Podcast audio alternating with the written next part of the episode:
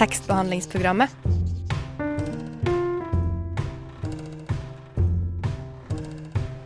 Tekstbehandling på radio.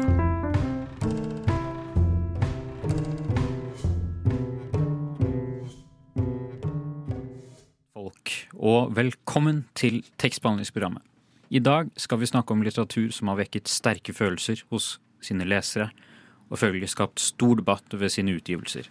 Temaet for dagens sending er kontroversiell litteratur. Mitt navn er Erik Løveid, og det er jeg som skal lede dagens sending. Og jeg er heldigvis ikke alene. Med meg i studio har jeg Arthur Henriksen. God morgen. Hei, hei. Og i tillegg til Arthur har vi en gjest i studio, nemlig vår eh, praktikant Benjamin. Velkommen Ja. til deg. Tusen takk. Og eh, for eh, den oppmerksomme lytter, så la de kanskje merke til at Benjamin var med i forrige sending. I påskesendingen vår. Ja. Han eh, vant også quizen sammen med Arthur. Så her har vi Det er, steile fronter her nå. Ja, Jeg lever fortsatt på de to poengene jeg fikk. Ja. Definitivt. eh, Men som sovjeterne sa, dere kom på nest siste plass. Ja. Jeg kom på andreplass. Så ja. Men eh, Benjamin, ja. litt sånn om deg. Hvordan er ditt forhold til eh, litteratur, egentlig? Eh, jeg tror jeg har et eh, ganske naturlig forhold til litteratur. Ja. Eh, leser eh, når jeg har lyst til å lese. ja. Har du noen favorittforfattere, eller er det noen eh, du liker spesielt godt? Jeg liker veldig godt en bok eh, som heter 'Populærmusikk fra Vittula' Okay. av Mikkel eh, har jeg ikke notert navnet hans, men eh, det er en eh, svensk-finsk eh, bok. nettopp. Ja, Den har jeg faktisk ikke hørt om før. Det er ganske bra. Det er også en av, en av de eksemplene på veldig gode eh, eh, fra bok til film-filmer. Ok, ja, Så den har blitt filmatisert og gjort eh, grei? Ja, ganske bra film okay. også. Det er Ja. gøy. Når kom den ut, sånn cirka? Husker Eh, du? 60, 60 nå. 1960 et eller annet. Ah, ok. antar jeg. Ja vel. Ja, så en Ja, skikkelig klassiker litt. der. Ja. Gjette litt. Hva er den handler om? Eh, det handler om en, eh, en gutt som eh, Altså, det er, det er biografien til en gutt, da.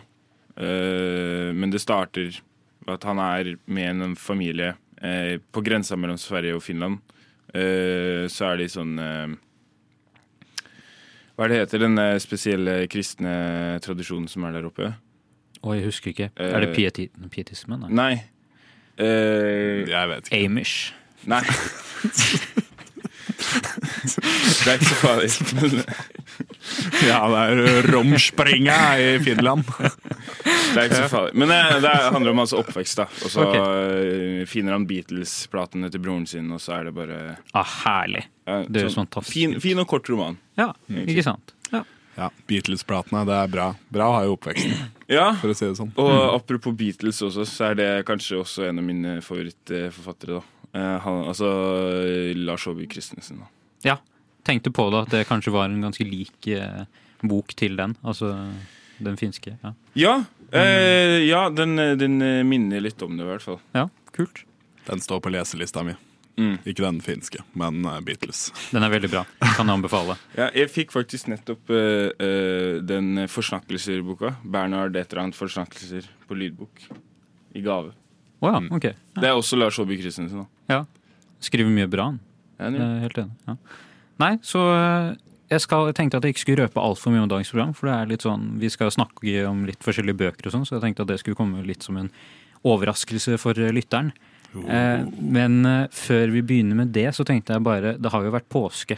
Og har dere lest noe gøy i påsken, eller er det noe dere har lyst til å dele fra den fronten? Altså, ja, jeg har jo, jeg har jo lest eh, noe, Ja. kan man si. Eh, jeg har lest litt eh, Camus og litt, eh, litt Thoreau, men det, det er noe eh, aktuelt. Noe som jeg rett og slett har lyst til å fortelle om som skjedde med meg i påsken. For jeg føler at det må være rom for å liksom uttrykke, uttrykke litt sånne personlige historier av og til, ikke sant? Absolutt. Og, um, um, og jeg var på min aller første hengekøyetur på Bygdøy. Ikke min aller første i livet, liksom, men min aller første denne, denne sesongen her. da. Um, og det var veldig, veldig fint. Det var, det var vakkert. Jeg tror jeg aldri har hørt så mange fugler synge på en gang. Det var veldig, det var veldig nydelig. Og så sånn som det er på hengekøyetur, så er det jo Sånn du, du våkner jævla tidlig. Du våkner drittidlig, liksom. Det er ikke sånn at du våkner sånn utpå ni, klokka ni eller noe sånt. Det er sånn klokka fem. Det er, når, det er når hanen galer. Ja. Liksom. Eller når sola står opp. Ja, ja, ja. Ja, når sola står opp, eller ja. Ja. Jeg ligger ikke og sover med solbriller, liksom. Uh, uh, og da våkna jeg sånn i femtiden. Um, men uh, jeg hadde lagt merke til at uh, uh, da jeg kom til Bygdøy kvelden før, så uh, var det et telt som sto kanskje sånn 100-200 meter unna meg. Eh, og der var det en fyr, og, eller to, to menn, tror jeg, som drev og drakk litt øl. Og de var ha-ha-ha, ja, ja, ja. Få se om vi skal investere i uh, Orkla, eller hva faen, liksom. Bare noe sånn eh, full Generell sånn full gubbeprat. Gubbe, full gubbeprat. Ja. Um, og så neste morgen så bare Sånn klokka sånn halv seks eller noe, så bare hører jeg en fyr fra det teltet bare Åh, ja. Og jeg bare er sånn Hva faen? Så jeg, OK, greit. Du er, ok, Vi er på Bygdøy, jeg forstår det, liksom. Du, du, det går fint. Det, det, du, får, du får kose deg, ikke sant. Så jeg bare prøver å bare høre på fuglene og bare ligge i hengekøya og liksom bare Ja, morgenstunden har gull i munnen. Så, men så er det sånn, så ligger jeg i hengekøya, da, og så bare hører jeg liksom steg som liksom approacher hengekøya mi. Jeg bare er sånn, hva faen, altså, hva, hva er det som har skjedd nå, liksom. Og så kommer, kommer han eh, fyren opp til hengekøya, eh, og jeg ser han, han er jo sikkert i 50-åra eller noe sånt, og, så, og han bare sier sånn, god morgen, og klokka er halv seks, liksom. Klokka er halv seks, Ja. og jeg ligger der i hengekøya og liksom bare prøver å chille. Og så kommer han opp til meg, og så sier han det at ehm, Nei, hei, hei. Du er, du er ikke ny i gamet, du, nei. Du, du som har hengekøye, ja. Du sover i hengekøya, du. Ja, ja, jeg har telt, jeg. Og der har jeg fyrt opp primusen. Så inni teltet mitt så er det så varmt som i en eh, badstue, egentlig. Så hvis du har lyst til å komme bort til teltet og varme deg litt, så må du gjerne gjøre det, altså. Ikke for å antyde noe, da. Nei, måtte legge til det.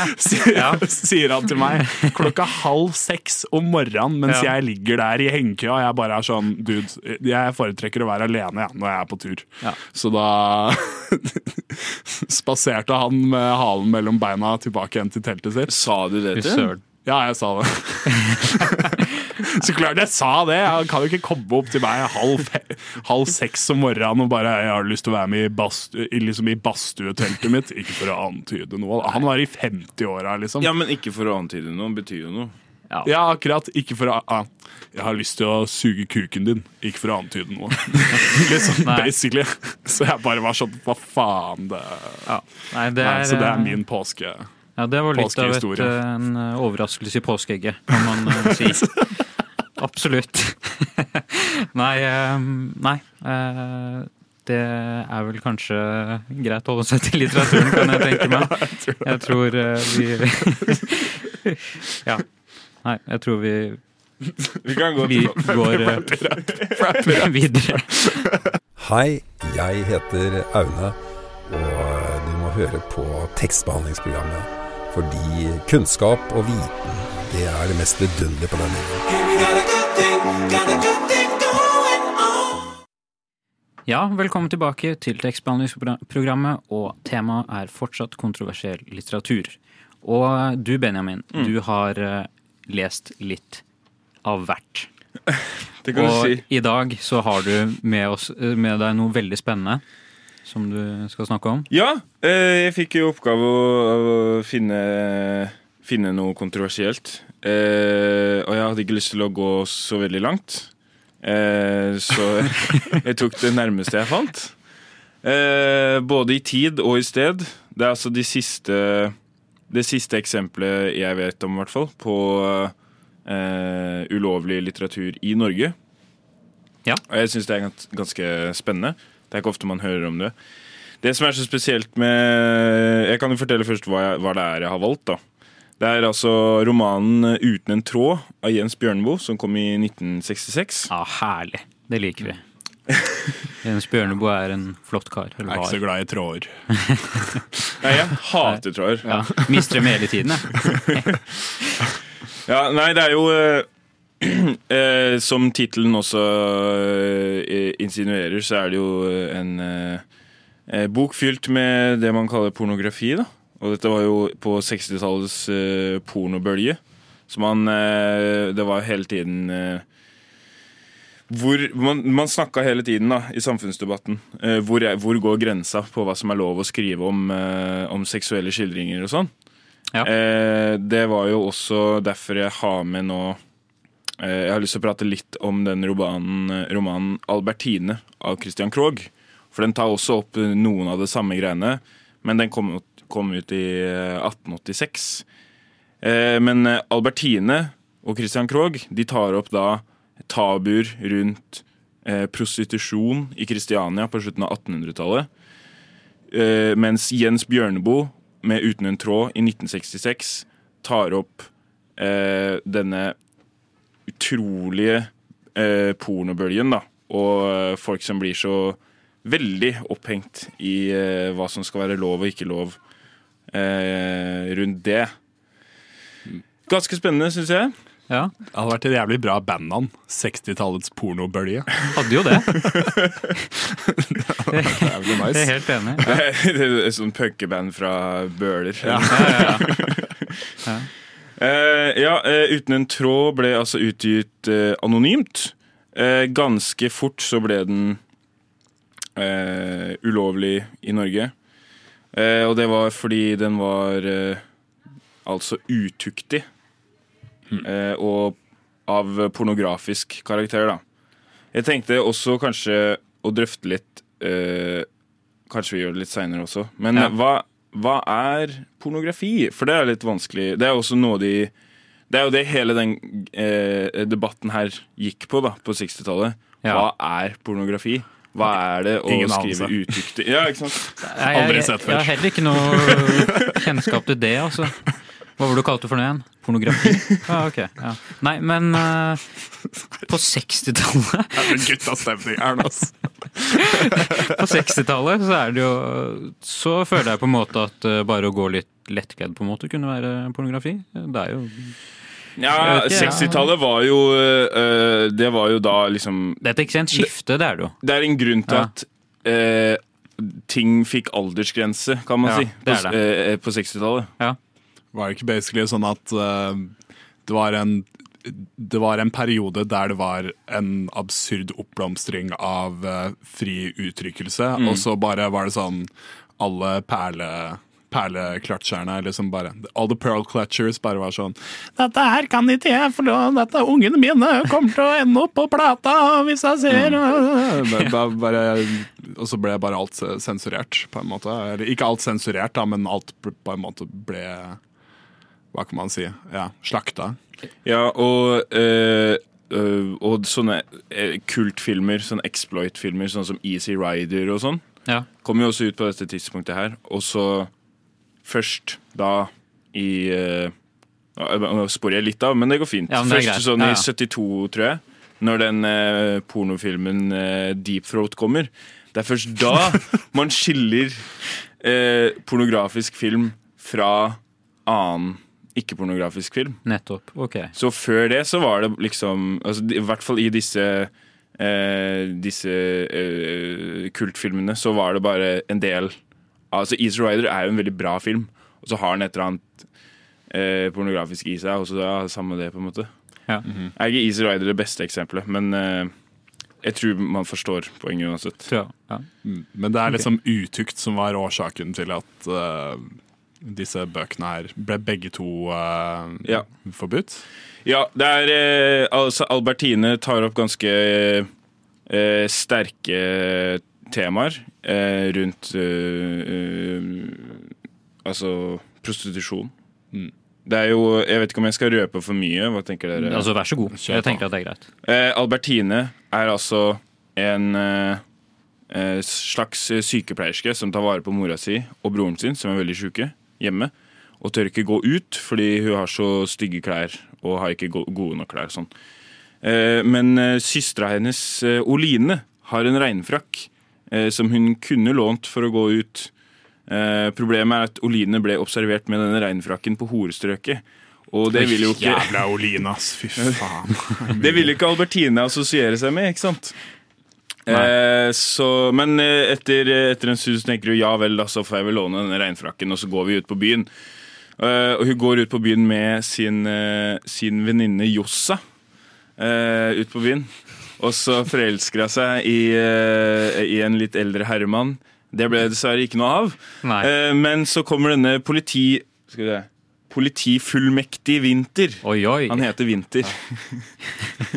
Det er autoritært, ass. Det er det. Det er veldig autoritært. Og politifullmektig vet ikke jeg hva er engang. Men eh, Kanskje det er det som er fulle tittelen til en politimann, egentlig? Politifullmektig. Eller politi, Eller lensmann. politimann Kanskje. som er currently occupied with being politi, Ja. kanskje? Ja, ja. På en måte. Eller, ja, eller, ja det, er en, altså, det er en politibetjent uten jobb. Men advokatfullmektig, bare som for å spole litt av på det, advokatfullmektig er en advokat eh, en som ikke har blitt advokat ennå, på en måte. Ja, nettopp. Så, en utdanna politi Ja. uten jobb. Ja, ja. Det er det det betyr når jenter Ja. skriver deg på Tinder. Kanskje vi skal fortsette videre med, med Albertine. Uansett, uansett, Vinter tar han altså med Tar altså eh, Albertine med seg hjem. Og så får hun i seg et eller annet så hun sovner, og så våkner hun til at hun blir voldtatt av denne politifullmektige. Og da rakner jo hele hennes verdensbilde. Ja. Eh, og da ender det opp med at hun blir eh, eh, prostituert da, og vanker rundt på horestrøket, sånn som søstera si, som var det siste hun ville. Og dette var da et innlegg i den moraldebatten rundt prostitusjon som jeg snakka om i stad. Eh, Skulle du si noe? Altså på 60-tallet, tenker du? eller? Nei, det er på 1800-tallet, ja. 1800-tallet. Ja. Christian Krogh. Det faller vel under naturalismen, det her, så det er jo på en måte en veldig sånn Jeg har jo ikke lest eh, boka, men jeg har jo hørt om den, og det er- høres ut som at det er en veldig sånn grå, jævlig bok, på Mm. en måte, som bare er, ligger i Der du på en måte blir tatt med inn i søla, og at du liksom ser ting for hvordan det er, Ja. og, og at det liksom Men uansett, da, at det tar opp viktige temaer, at det liksom uh, skildrer en del av virkeligheten ved å faktisk være ung kvinne i Kristiania på Mm. den tiden. da. Og det er, eh, altså, hun kommer fra fattige kår. brukt litt mye tid, men eh, skal jeg prate litt om Uten en tråd også? Du kan nevne det kjapt. Absolutt. Eh, den er altså, i motsetning til Albertine, eh, ikke veldig dyptgående og eh, ikke noe jeg syns var liksom Ikke dyptgående, sier du. Bare for å bli et humorprogram nå, Arthur. eh, nei, altså, poenget er at Uten en tråd var mer et, en parodi på den eh, pornografi-crazen da, på okay. 60-tallet. Ja. Eh, og er ikke like seriøs som Albertine, som faktisk tar opp ordentlig viktige temaer. Ja. Uten en tråd tar kun opp temaer, i hvert fall min mening, om hva som skal være lov å drøfte og ikke. Ja. Eh, men det som er spesielt, med denne, er at eh, den er jo fortsatt eh, ulovlig i Norge uten en tråd. Ok, er den det, ja? Så, Forbudet... så jeg kan bli straffet for å lese uten en tråd? altså? Ah, I teorien. I Det, teorien. det håndheves ikke, da. Men uh, den er forbudt fortsatt. Ja. Men nå må vi gå til Nå det. må vi det. Så ja. Tekstbehandlingsprogrammet. Når du vil lese med øra.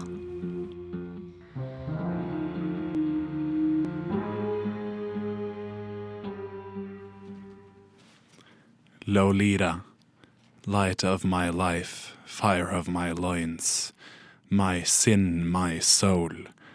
Lo-li-ta. The tip of the tongue taking a trip of three steps down the palate to tap at three on the teeth. Lo-li-ta. She was low, plain low in the morning, standing four feet ten in one sock. She was Lola in slacks. She was Dolly at school. She was Dolores on the dotted line. But in my arms she was always Lolita. Når man skal snakke om kontroversiell litteratur, så kan man ikke komme foruten Vladimir Nabokovs Lolita. Utgitt i 1955 gjennom Olympia Press, eh, et forlag som stort sett utga trashy pornografi, så det er liksom litt sånn tråd, litt sånn tråd her. Eh, ble Lolita ras raskt både anerkjent, eh, inkludert i eh, World Library Top 100 Novels og Time Magazine sin topp 100-liste. Og kontroversiell. Hvorfor er Lolita altså kontroversiell? Om du ikke visste det, er kjærlighetserklæringen jeg leste, som for øvrig er starten på boken, dedikert fra den pedofile mannen Humbert Humbert til sin tolv år gamle stedatter Dolores Hace. Lolita er skrevet i førsteperspektiv fra den moralsk forvrengte, maniske og perverse, men samtidig uforlignelige, sjarmerende og tragiske Humbert. Ja, Lolita, dere. Det er kontroversielt. Ja, den introen der var mektig, holdt jeg på å si. Det var eh, Ja, jeg ble litt sånn Jeg vet ikke helt hva jeg skal si. Jeg blir Nei. målløs, rett og slett. Av, uh, av, liksom av språket, på en måte? Eller Skildringen, Ja. rett og slett. Ja. Ja. Det var liksom så Ja. Ja, det er jo Nabokov, og det her er jo på en måte en Ja, jeg var litt sånn Jeg, jeg vurderte å snakke om noe annet enn Lolita, fordi at jeg føler at jeg har prata om Lolita så sykt lenge nå. Ja, for jeg, jeg, jeg har liksom sagt at jeg har lest den, for jeg har drevet og lest den. Og det har vært sånn meme i tekstbehandler. Ja, ja, greit, du leser. Lolita, whatever, liksom. Ja. Um, men så søkte jeg litt sånn der, hva er kontro liksom, eksempler på kontroversiell litteratur For Den kommer opp. sendinger. Og den kommer opp Ja. hver eneste gang, liksom. Ja. Og um, ja, hva Ja, dere kan jo liksom se for dere hvorfor den ble veldig kontroversiell med en gang, vil jeg anta. Ja, absolutt. Mm. Altså, det å forelske seg i en jente på tolv år når man selv er jeg vet ikke hvor gammel han er, 40 eller godt voksen i hvert fall, Ja, er jo, I 40-åra. ja, det er jo ganske Det er ikke så mye å si hvor gammel han er, egentlig, så lenge han ikke er tolv. så- Ikke sant? 12 eller 13. Så Ja, det er litt sånn, ja. Ja. Så det er jo ja, Humbert Humbert, det er jo protagonisten da i eh, historien. Og jeg føler at kanskje hovedårsaken til at Lolita er så kontroversiell, naturligvis tematikken er jo eh, eh, veldig eh, Hva kan man si støtende.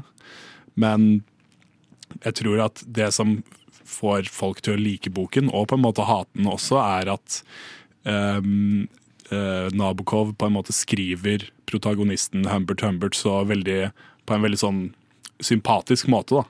Altså Selv om han er en morder og voldtektsmann og pedofil, så blir man liksom sjarmert av han uansett. Og det er liksom Men eh, liksom, hva tenker dere om det? Å sympatisere med noen som er på en måte åpenbart moralskt uh, i, i, Hva kan man si? I vrang, I vrang, da. Moralsk vrang og moralsk feil.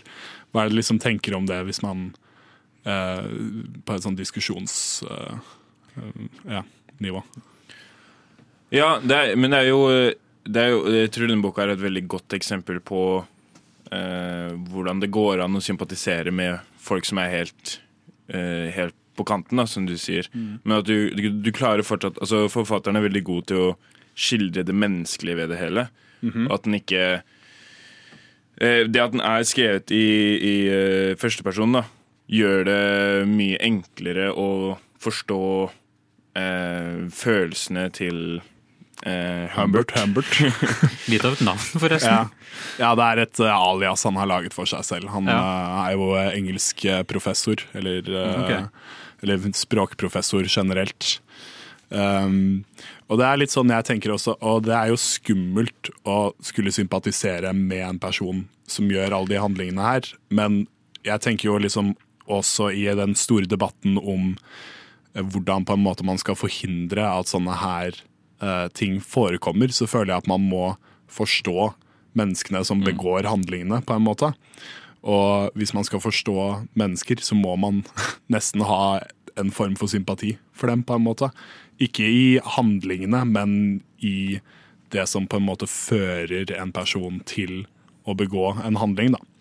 Man må tenke veldig sånn uh, rasjonelt på det, rett og slett. Altså, du ser hva han gjør. Hvorfor gjorde han det? Jo, fordi. Og så ser du årsaksfølgene. Ja, og ifølge Humbert så er det jo Lolita som på en måte eh, jumper han, da. Det er hun som uh, begynner uh, liksom den seksuelle kontakten mellom de. Ja. Men Humbert er jo et Altså, et absurd upålitelig vitne, liksom. Han, det er, ja, det er jo liksom en det er ifølge han selv ja, det ja. Han, han skriver jo den historien her på en måte fra, fra fengsel, og forteller om alt som skjer. og Og for han ender opp i fengsel? Eller? Ja. Mm, men ikke Ja, det er spoilers, da, men ikke Ja. for å Men ikke pga. pedofilien, men pga. at han dreper eh, en eh, mann som på en måte eh, Lolita rømte vekk med, som var en sånn Hollywood-pornoproducer. Oh, ja. Da Lolita var sånn 14 eller noe sånt. Dæven. Så han dreper han.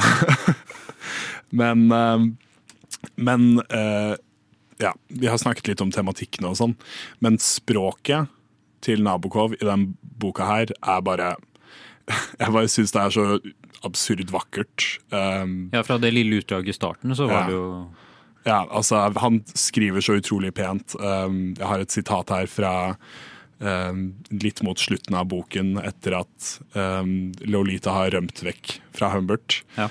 Og da uh, skriver han And presently I was driving through the drizzle of the dying day with the windshield wipers in full action, but unable to cope with my tears. Og mm. det er sånn he, Gjennom hele boka her så er det sånn Fy fader, jeg har ikke lyst til å like han sjuke fyren her, men det er bare Man må bare gjøre det, fordi at uh, det, Eller man ender opp med å gjøre det når man leser, da. For at han Altså han, han uttrykker seg på en sånn måte som bare er eh, særegent uh, vakkert, liksom. Og, og, uh, og jeg føler jo også at tematikken i boka ikke nødvendigvis bare er pedofili, men også det at å blindt følge en nytelse uh, til punktet hvor det blir ens egen undergang. Det er liksom det som er tematikken her. For at han ender jo opp altså tragisk. Eh, altså Han er jo ikke en glad type, liksom, på slutten av det her. Nei. Det. Eh, eh, så det, ja. Mm. Mm. Um, Det er sikkert eh, en av grunnene til at den boka har blitt så populær. da. Nettopp det at uh, veldig mange føler sympati for en så ond person. ja. Det er liksom Ja, det er, det er, eh, det er vel Det er mye det. Og så um, er det um, Ja, som sagt, eh, Nabokov sin, eh, sin liksom fantastiske skrivemåte. Og, men også humoren i boka er, uh, er veldig gøy. Uh, er- Humor, ja. Okay, Ja, det er mye humor i boka også. Ja. Det liksom Yes. det som var Det var det som var på en måte det uh, mest sånn tydelige for meg da jeg leste den, var hvor utrolig morsom Humbert Humbert faktisk er. Um, Høres ut som en veldig fullkommen bok. Både liksom, Ja. eh, Du får deg til å tenke hvilken side du skal stå på, i tillegg til humoren, og så kommer liksom alt det, det vakre språket osv. Så, videre. så Ja. ja. og det er liksom det er, det er, eh, det, Nabokov får deg til å tenke på ting du aldri har tenkt på før. Ja. Og, og det føler jeg er en utrolig bra ressurs å ha i, eh, i litteraturen. Eller liksom, hvis en bok får deg til å tenke en tanke du aldri har tenkt før, da, da tenker jeg at det må være en, en bra bok. Um, fordi at det her ender jo opp med at eh, de liksom starter et forhold. Altså Humbert Humbert og Lolita er sammen, liksom, og de kjører gjennom USA. Men eh, Og det er liksom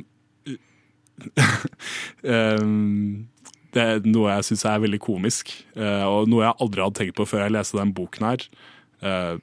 Veldig naturlig at jeg ikke har tenkt på det, men eh, det er hvordan en 40 år gammel mann skal klare å på en måte holde en 12 år gammel jente glad, mens de bare kjører gjennom USA og gjør masse ting, og det er jo på en måte eh, Kjøpe noe, da, kanskje? ja, poengtert Ja. ved å bare kjøpe masse greier, så um, Ja. eh, De stopper på hver eneste bensinstasjon for å kjøpe is, de kjøper tegneserier, de kjø, hun han kjøper sikkert 1000 plagg med klær til henne. Liksom. Det er konstant hele tiden. De skal dra alt, alltid hvor, eh, hvor hun vil, på en måte. Så det er Ja. sånn Den uh, dikotomien i den relasjonen er bare humoristisk, selv om den er så utrolig dyster og, og fæl. da. Ja.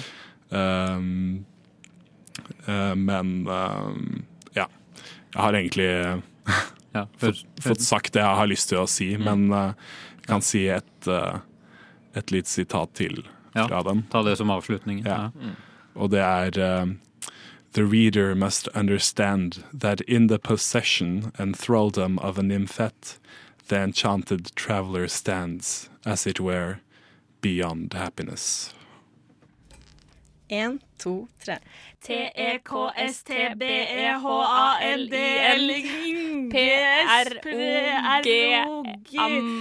P-R-O-G-A-M Tekstbehandlingsprogrammet på Radio Nova. Det stemmer. Du hører fortsatt på tekstbehandlingsprogrammet, og nå skal vi gå fra Hva skal man si? Uh, de med pikante bøkene eh, til, til, til eh, noe litt annet. Vi skal bevege oss til eh, 1988 og en bok som har skapt utrolig mye styr. Og det er en bok som heter The Satanic Versus av Salman Rushdie. Og um, bare sånn kort om boka. Aller først, boka den følger jo ikke én linje på en måte, eller én historie. Det er veldig mye forskjellig som skjer i boka. altså Du har på en måte en hovedlinje av historien, men du har veldig mange drømmer og digresjoner osv. Uh, som egentlig er det som gjør boken kontroversiell, eller innholdet i dem, som jeg kommer til senere. Uh, og boka handler da om Shibril, som er en Bollywood-skuespiller, og Saladin, som er en stemmeskuespiller. Og de møtes da på et fly som er på vei til eh, England. Og flyet blir- kapret av en eh, gruppe nasjonalistiske sikher, da fra India.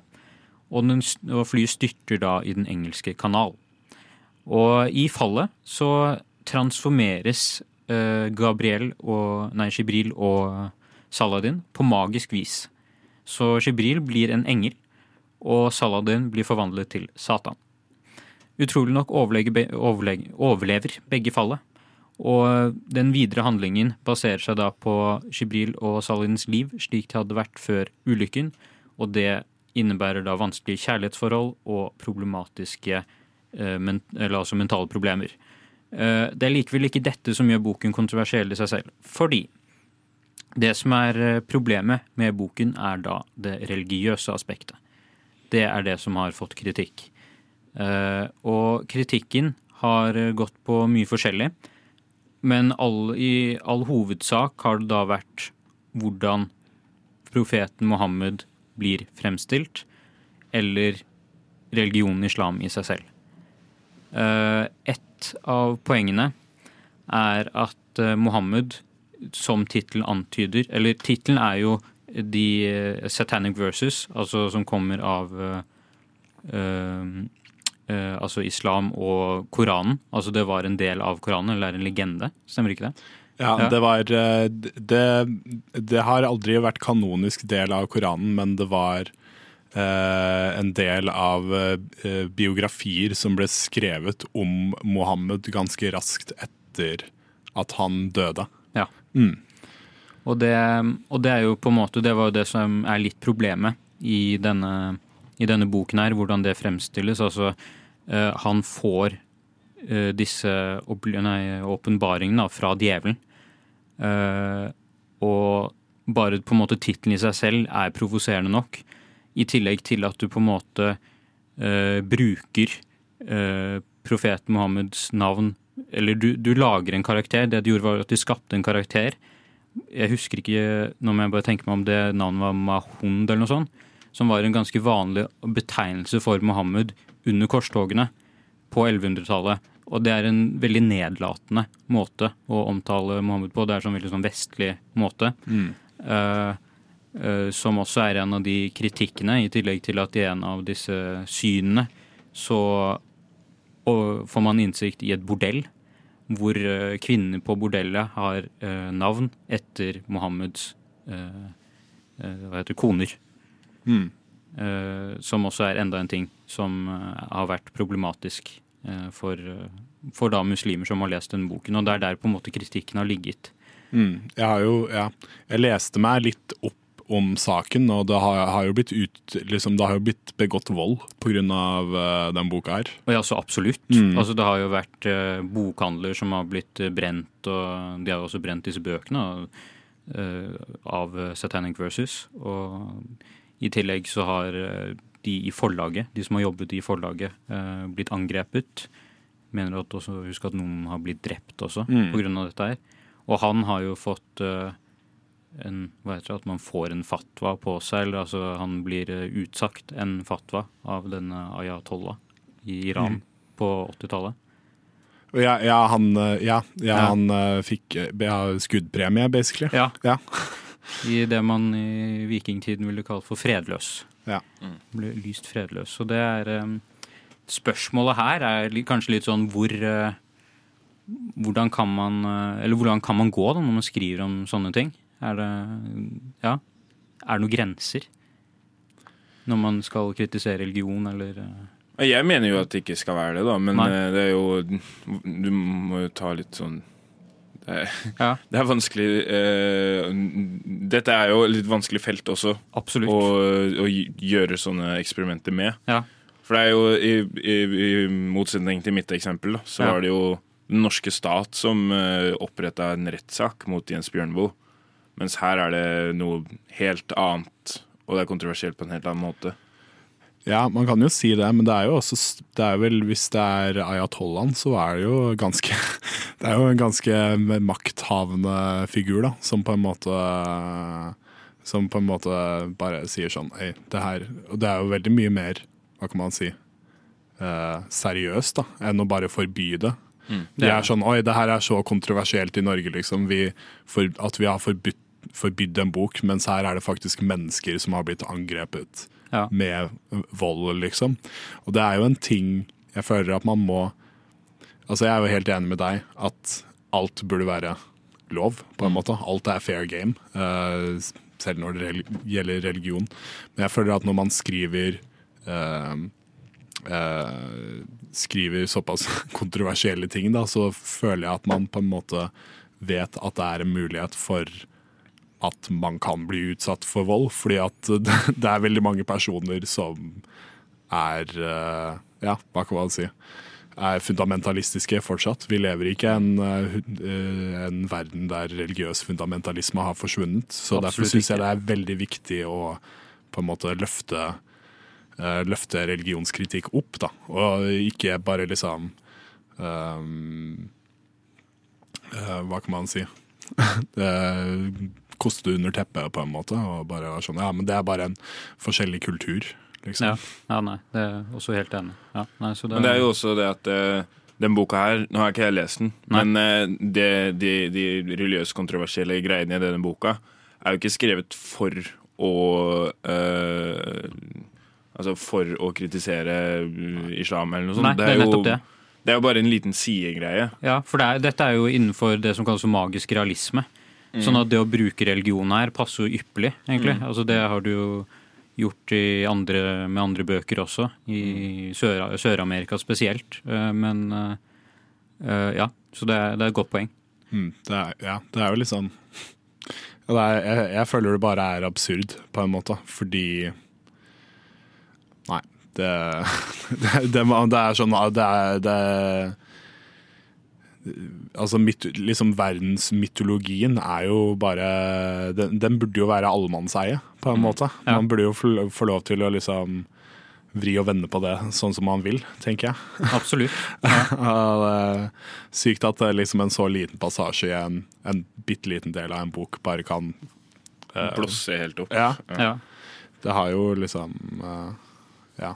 Og um, jeg vet ikke, jeg føler også i, i sånne her diskusjoner om sånn eh, eh, Om religion, på en måte, og i hvert fall i for, forhold til litteratur, så har vi jo liksom hatt flere eksempler der det har skjedd at voldelige handlinger har blitt begått bare pga. Eh, karikaturer, f.eks., eller, Ja. eller, eller, eh, eller hva som helst.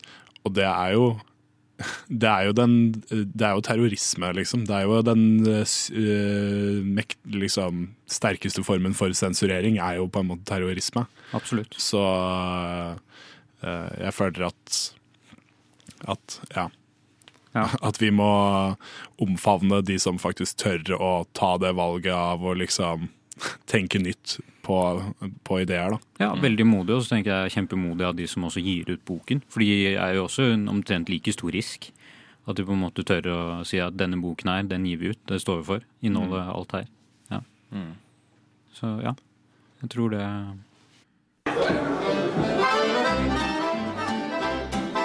Hvis du går hjem med noen og de ikke har bøker, ikke knull dem. Hilsen tekstbehandlingsprogrammet. Vi har altså kommet eh, til veis ende, og vi kan da konkludere med i hvert fall at eh, kontroversiell litteratur, det må, det må fortsette å skrives. Gi det ut, si din mening, kritiser det du vil. Mm. Eller Men ikke, ikke, vær, ikke vær dust, da. ikke vær dust. det Vær det. dust. det her er min mening. Bare vær så dust akkurat sånn som du vil.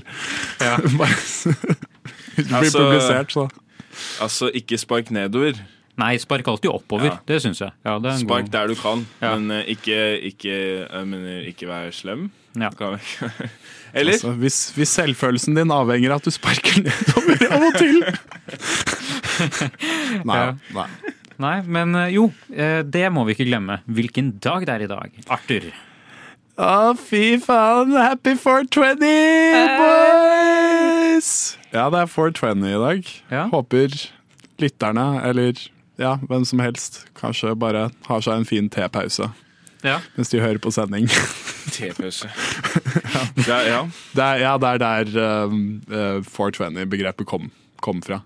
At det var studenter på Yale uh, som uh, sa at de skulle gå og ta seg te klokken uh, ti på halv fem hver eneste ettermiddag etter, uh, etter at de var ferdig på universitetet. Så det er, uh, altså, er altså Men så var det egentlig Datoen. en tjall. Så var det egentlig ja, rev og fjon og hva var det? Jazztobakk. Jazz og hurrasigaretter. Sigaretter, den likte jeg. Ja, men du hadde, jo, du hadde jo vært i New York, du, på, på 420. Ja, det var, men det var helt tilfeldig, da. Jeg var i New York egentlig på en jazztur. Eh, lite visste jeg at en Jazztobakk-tur. Jazz. ja. Nei, vi, eh, det var en klassetur, da. Eh, så vi så på alle jazzklubbene i New York og sånn. Det var jo gøy. Uh, og så Jeg visste jo ikke at eh, 20. april var en sånn greie. Men uh, vi merka det Gotta get at with the times, man. You know, you, go- it's times are changing, you know. eh, Ja, nei, vi merka det ved en tilfeldighet. For det, eh, det var jo veldig bra vær, litt sånn som i dag i Oslo. I, eh, i, eh, på Manhattan. Og så gikk vi eh, nedover lette etter et eller annet sted og spise lunsj. Eh, eller det må ha vært middag, da. Klokka var jo tross alt litt over fire. 20. april. Oi, oi, oi, oi, oi, oi. Plutselig Det er altså det Det var en litt rar opplevelse. Det var jo før eh, Før eh, hasj ble lov i USA også, så det var jo kanskje enda rarere. Plutselig bare kom det liksom en sky på hele Manhattan. Sånn jeg følte det. da Ja. Eh, En sky av liksom eh, ja, Hva kaller man det? Jazz eh, Vi kan kalle det jazzparfyme. Marihuana-lukt. Marihuana-lukt. Kan man ikke si, Kom som kan man ikke si det? bølge. Jo, men Ja. eh, Jo, jo. En lukt av marihuana? Ja, ja. Svidd gummi. Svidd. Nå sporer vi av for mye Ja, her. Nei da. Men det hadde kommet en lukt. Det var, Ja, men det var liksom overalt. Det var ikke, det var ikke bare i, i, eh, i sånne sidegater. Det var, det var overalt. I, på hele Eller jeg syns det var overalt. da Ok, ja. på ble, du, du ble litt sånn bevisst, på en måte, kan man si. Ja, ja. Jeg ble bevisst på at 20. april var en greie, tydeligvis. Det er, det er, det er en greie. Og um, Nei, jeg vet ikke, jeg. Det ja nei, det er, det, jeg syns det fortjener å nevnes. Og, ja, men eh, det er jo ikke Vi har jo sikkert hatt sendinger en dag der det på en måte har vært noe annet det var en dag for, som vi har glemt å ja, så nevne. absolutt. Men uh, Som vaffeldagen, for eksempel, eller noe sånn. Glemte vi vaffeldagen? Nei. Har vi gjort det? Nei, det, det går ikke an. Oi, nå Nei. ble vi litt Jeg tror eksistensielle her. jeg tror vi må runde av nå, jeg. Før, eh, ja, før vi finner ut alt hva vi har glemt å nevne. Ja, Pannekakedagen òg, kanskje. Men uh, ja, Nei, men uansett, uh, takk for, uh, takk for nå. Og tusen takk til Arthur og Benjamin spesielt, som, som gjest og tekniker. Ja, takk for at jeg fikk komme og gjøre teknikk og prate samtidig. Ja, Du er en fantastisk praktikant. Takk. helt enig. Vi høres.